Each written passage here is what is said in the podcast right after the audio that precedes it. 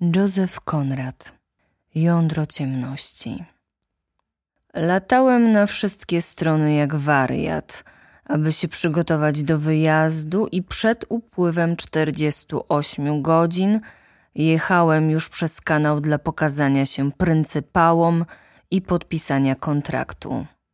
W bardzo niewiele godzin przybyłem do miasta, które przypomina mi zawsze pobielany grób.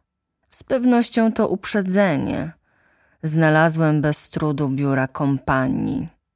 Był to największy budynek w mieście i każdy, kogo tylko spotkałem, mówił o tym towarzystwie. Spółka miała się zabrać do założenia zamorskiego cesarstwa i zdobyć nieskończone mnóstwo pieniędzy za pomocą handlu.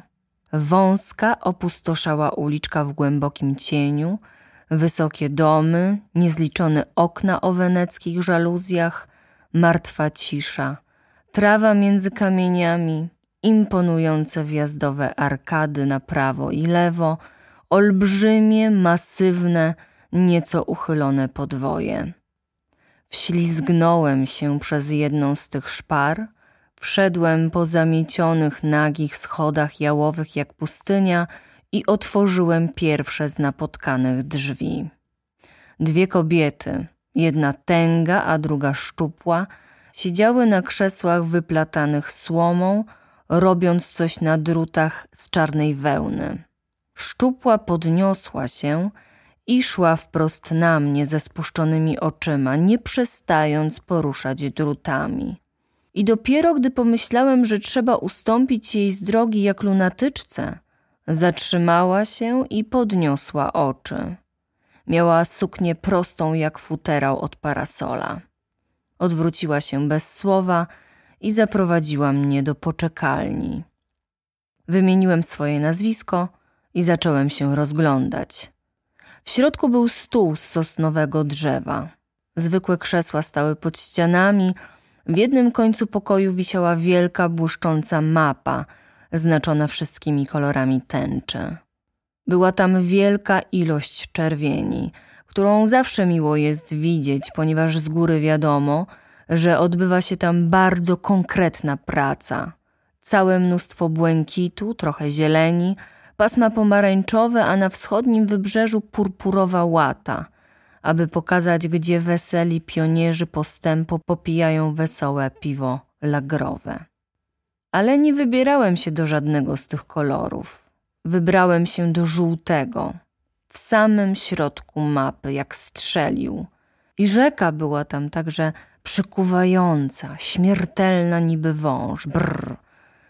Otworzyły się drzwi, ukazała się białowłosa głowa sekretarza o współczującym wyrazie twarzy i kościsty palec kiwnął na mnie. Wszedłem do sanktuarium. Światło to było przyćmione, a ciężkie biurko przykucnęło w środku pokoju.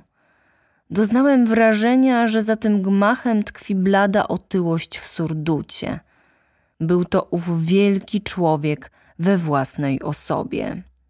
Liczył zapewne jakieś pięć stóp sześć cali, a dzierżył w ręku bardzo wiele milionów.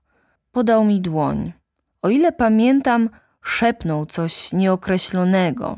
Wyraził uznanie dla mojej francuszczyzny. Bon voyage. Po upływie 45 sekund, mniej więcej, znalazłem się znów w poczekalni w towarzystwie współczującego sekretarza, który strapiony i pełen sympatii dał mi do podpisania jakiś dokument. Zdaje mi się, że między innymi zobowiązałem się do zachowania wszystkich handlowych sekretów, no i nie zamierzam ich zdradzić. Zacząłem odczuwać lekki niepokój. Wiecie, że nie jestem przyzwyczajony do takich ceremonii, a przy tym w tej atmosferze było coś złowieszczego. Zupełnie jakby mnie wtajemniczono w jakiś spisek. Nie umiem tego określić. Jakby coś było niezupełnie w porządku. Cieszyłem się, kiedym się stamtąd wydostał.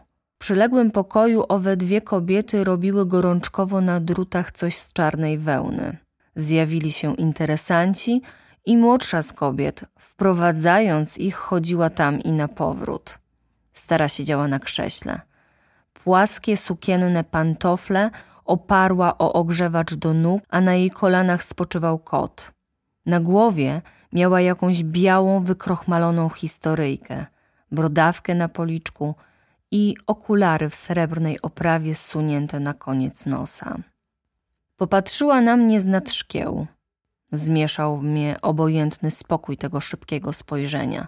Wprowadzono właśnie dwóch młodzików o głupkowatych, wesołych twarzach, a stara rzuciła im takie samo szybkie spojrzenie, mądre i obojętne. Zdawało się, że wie o nich wszystko, a także i o mnie. Poczułem zabobonny lęk. Wydała mi się niesamowita i złowroga.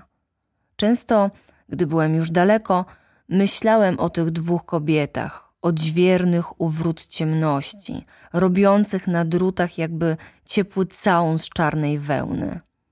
Wspominałem, jak jedna z nich wprowadza, wprowadza bez końca w nieznane, a druga bada obojętnie starymi oczami wesołe i głupie twarze. Awe, stara pracownico, migająca drutami nad czarną przędzą. Morituri te salutant. Niewielu z tych, na których spojrzała, zobaczyło ją znowu, znacznie mniej niż połowa. Czekała mnie jeszcze wizyta u doktora. Prosta formalność, zapewnił mnie sekretarz z takim wyrazem twarzy, jak gdyby brał pokaźny udział we wszystkich moich strapieniach. Jakiś młodzik w kapeluszu, naciągniętym na lewą brew, zapewne urzędnik. Musieli tam być i urzędnicy w tej spółce, choć dom był cichy, jakby się znajdował w mieście umarłych. Zszedł skądś z góry i poprowadził mnie. Obszarpany był i zaniedbany. Rękawy kurtki miał poplamione atramentem, a pod brodą, przypominającą czubek starego buta, tkwił wielki, falisty krawat. Na doktora było jeszcze trochę za wcześnie, więc zaproponowałem, żebyśmy się czegoś napili, dzięki czemu mój towarzysz puścił wodze swej wesołości. Gdyśmy już siedzieli przy kieliszkach wermutu, zaczął się unosić nad interesami spółki. Od słowa do słowa wyraziłem mimochodem zdziwienie, że on sam nie wybiera się do Afryki. Ochudł natychmiast i stał się bardzo opanowany. Nie taki dureń ze mnie, na jakiego wyglądam, rzekł Platon do swoich uczniów, powiedział sentencjonalnie i wychylił kieliszek z wielką stanowczością, po czym wstaliśmy z miejsc. Stary doktor wziął mnie za puls, myśląc najwidoczniej zupełnie o czym innym. W porządku, może pan jechać. Mruknął i zapytał z pewną skwapliwością, czy bym mu nie pozwolił zmierzyć swej głowy. Odrzekłem, dobrze, nieco tym zaskoczony, a on wyciągnął coś w rodzaju cyrkla i zrobił pomiary z tyłu, z przodu i ze wszystkich stron, notując starannie. Był to nieogolony człowieczek w wytartym kaftanie podobnym do opończy i pantoflach. Wyglądał na nieszkodliwego durnia. W interesie nauki, rzekł, proszę zawsze tych, którzy tam jadą, aby mi pozwolili zmierzyć swe czaszki. A gdy wracają, robi pan to samo? Zapytałem. Ach, nigdy się już z nimi nie stykam, zauważył. A przy tym, widzi pan, Zmiany zachodzą w środku. Uśmiechnął się jak po wypowiedzeniu przyjemnego żartu. Więc pan tam jedzie. Świetnie, to bardzo zajmujące. Spojrzał na mnie badawczo i znów coś zanotował. Czy nie było kiedy w pańskiej rodzinie wypadku obłąkania? Zapytał rzeczowym tonem. Zaczynało mnie to mocno drażnić. Pan pyta o to również w interesie nauki? Byłoby rzeczą zajmującą, odrzekł, nie zwracając uwagi na moje rozdrażnienie, gdyby można dla celów naukowych śledzić tam na miejscu zmiany psychiczne zachodzące w jednostkach, ale czy pan jest psychiatrą? Przerwałem. Każdy lekarz powinien być trochę psychiatrą, odparł z niewzruszonym spokojem oryginał. Mam pewną teoryjkę, do której udowodnienia wy, panowie, udający się tam, Musicie mi pomóc. To jest mój udział w korzyściach, jakie kraj mój powinien osiągnąć z posiadania tej wspaniałej kolonii. Bogactwa zostawiam innym. Proszę mi wybaczyć te pytania, ale pan jest pierwszym Anglikiem, który się dostaje pod moją obserwację. Pospieszyłem go zapewnić, że nie jestem bynajmniej typowy. Gdyby tak było, rzekłem, nie rozmawiałbym z panem w ten sposób. To, co pan mówi, jest dość głębokie i prawdopodobnie błędne, rzekł ze śmiechem. Niech pan się wystrzega irytacji jeszcze bardziej niż przebywania na słońcu. Adieu? Jak to mówicie po angielsku, co? Goodbye, aha, goodbye. Adieu. Pod zwrotnikami trzeba przede wszystkim zachowywać spokój, podniósł ostrzegawczo palec. Du calme, du calme. Adieu. Pozostawało mi jeszcze jedno pożegnać się z moją zacną ciotką. Zastałem ją triumfującą. Wypiłem filiżankę herbaty, ostatnią filiżankę porządnej herbaty na długi przeciąg czasu i w pokoju, który wyglądał właśnie tak, jak sobie wyobrażamy kobiecy salon, co podziałało na mnie niezmiernie kojąco, ucięliśmy przy kominku długą, spokojną gawędkę. W ciągu tych zwierzeń zrozumiałem, że opisano mnie żonie wysokiego dygnitarza i poza tym Bóg raczy wiedzieć, ilu innym osobom, jako wyjątkową i szczególnie obdarzoną przez los istotę. Człowieka opatrznościowego dla spółki, jakiego się często nie spotyka. Miłosierny Boże, a ja miałem objąć komendę na jakimś tam marnym rzecznym parowcu – zaopatrzonym w taniutką gwizdawkę. Okazało się przy tym, że jestem także działaczem przez duże D. Rozumiecie? Niby wysłańcem świata, niby apostołem pośredniejszego gatunku. W owych czasach rozpuszczano masę takich bredni w druku i słowie i zacna moja ciotka, żyjąca pośrodku tej całej blagi, straciła równowagę. Puty rozprawiała o tym, że trzeba odzwyczaić miliony tych ciemnych ludzi od ohydnego ich życia, aż wreszcie, daję wam słowo, zrobiło mi się jakoś głupio. Ośmieliłem się nadmienić, że przecież spółka została założona dla zysku. Zapominasz, kochany Charlie, że każda praca zasługuje na zapłatę, rzekła wesoło. To ciekawe, jak dalece kobiety nie mają poczucia rzeczywistości. Żyją we własnym świecie, który właściwie nigdy nie istniał i istnieć nie może. Jest na to wiele za piękny, a gdyby można taki świat zbudować, rozleciałby się przed zachodem słońca. Pierwszy, lepszy, nieznośny fakt, z którym my, mężczyźni, współżyjemy zgodnie od chwili stworzenia, wyrwałby się i dałby w łeb całej historii. Zostałem uściskany, przykazano mi, abym nosił flanelę, abym często pisywał i tak dalej. I pożegnałem się.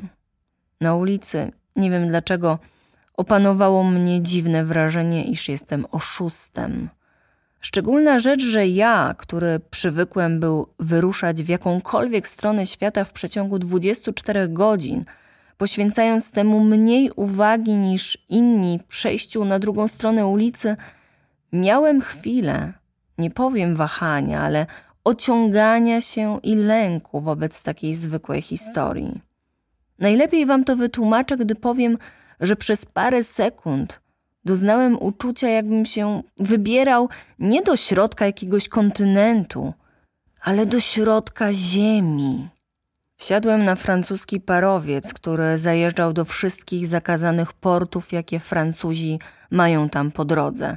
Jedynie po to, o ile się mogłem połapać, aby wysadzać na ląd żołnierzy i urzędników komory celnej. Przypatrywałem się wybrzeżu. Obserwowanie brzegu, który przesuwa się koło okrętu, przypomina rozwiązywanie zagadki. Oto leży przed wami wybrzeże uśmiechnięte, chmurne, powabne, wspaniałe, nędzne, banalne albo dzikie, a zawsze nieme, choć zdaje się szeptać Chodź i przekonaj się. Ten zaś brzeg był prawie zupełnie bez charakteru, jakby się jeszcze nie ukształtował, a wygląd miał ponury i monotonny. Skraj olbrzymiej dżungli, o zieleni tak ciemnej, że wydawała się prawie czarna, obramowany białą frędzlą nadbrzeżnych fal, biegł prosto jak nakreślony przy pomocy linii. Daleko, hen daleko wzdłuż błękitnego morza, którego połysk był przyćmiony przez pełzającą mgłę. Słońce paliło okrutnie. Ziemia zdawała się błyszczeć i ociekać kroplami pary. Gdzie niegdzie popielato-białe plamki ukazywały się grupkami na wybrzeżu poza białą linią fal. Czasem powiewała nad nimi flaga. Były to osady liczące po kilka wieków, a jednak nie większe niż główki od szpilek na nietkniętym obszarze kraju. Statek sunął ciężko wzdłuż brzegu. Zatrzymywał się, wysadzał żołnierzy, jechał dalej, wysadzał urzędników komory celnej, aby pobierali cło na wybrzeżu, które wyglądało jak pustka zapomniana przez Boga, z zagubioną w niej blaszaną szopą i słupem od flagi. I znowu wysadzał żołnierzy, prawdopodobnie aby pilnowali urzędników komory celnej. Mówiono mi, że kilku z nich utonęło w nadbrzeżnych falach, ale nikt nie zdawał się o to troszczyć. Wyrzucono ich tam po prostu i jechaliśmy dalej. Dzień po dniu brzeg wyglądał tak samo, jakbyśmy nie poruszali się wcale. Przejeżdżaliśmy koło różnych miejsc, osad handlowych o nazwach takich jak Grand Bassam, Little Popo, nazwach, które zdawały się należeć do jakiejś plugawej farsy odgrywanej na tle posępnej kurtyny. Bezczynność pasażera, osamotnienie wśród tych wszystkich ludzi, z którymi nie miałem żadnych punktów stycznych, oleiste i leniwe morze, jednostajna posępność wybrzeża trzymały mnie jakby z dala od rzeczywistości uwikłanego w sieci żałobnej i bezsensownej ułudy. Głos nadbrzeżnych fal dochodzący niekiedy stanowił dla mnie prawdziwą przyjemność, jak odezwanie się brata. Był to objaw naturalny, coś, co miało swoją przyczynę i jakieś znaczenie. Niekiedy łódź z wybrzeża dawała mi chwilowy kontakt z rzeczywistością. Wiosłowali w niej czarni ludzie – można było dojrzeć z daleka połyskujące białka ich oczu.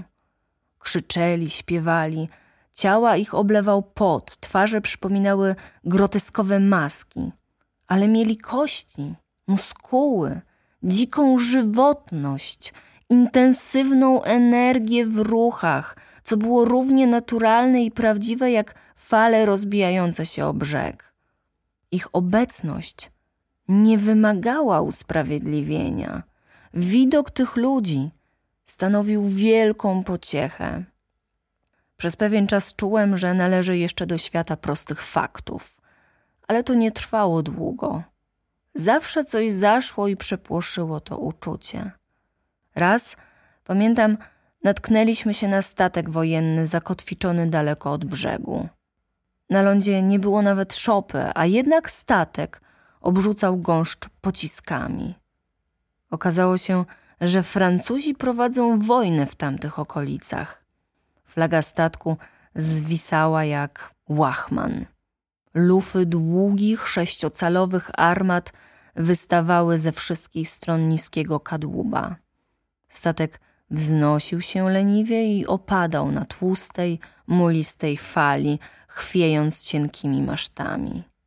Wśród niezmierzonej pustki ziemi, nieba i wody tkwił ten niepojęty okręt i strzelał w głąb kontynentu. Bum! Odzywała się jedna z sześciocalowych armat. Drobny płomyk wyskakiwał i znikał. Niewielki kłąb białego dymu rozpływał się w powietrzu. Drobny pocisk zaskrzeczał słabo i nic nie następowało. Nic nastąpić nie mogło. Było w tym coś obłąkanego.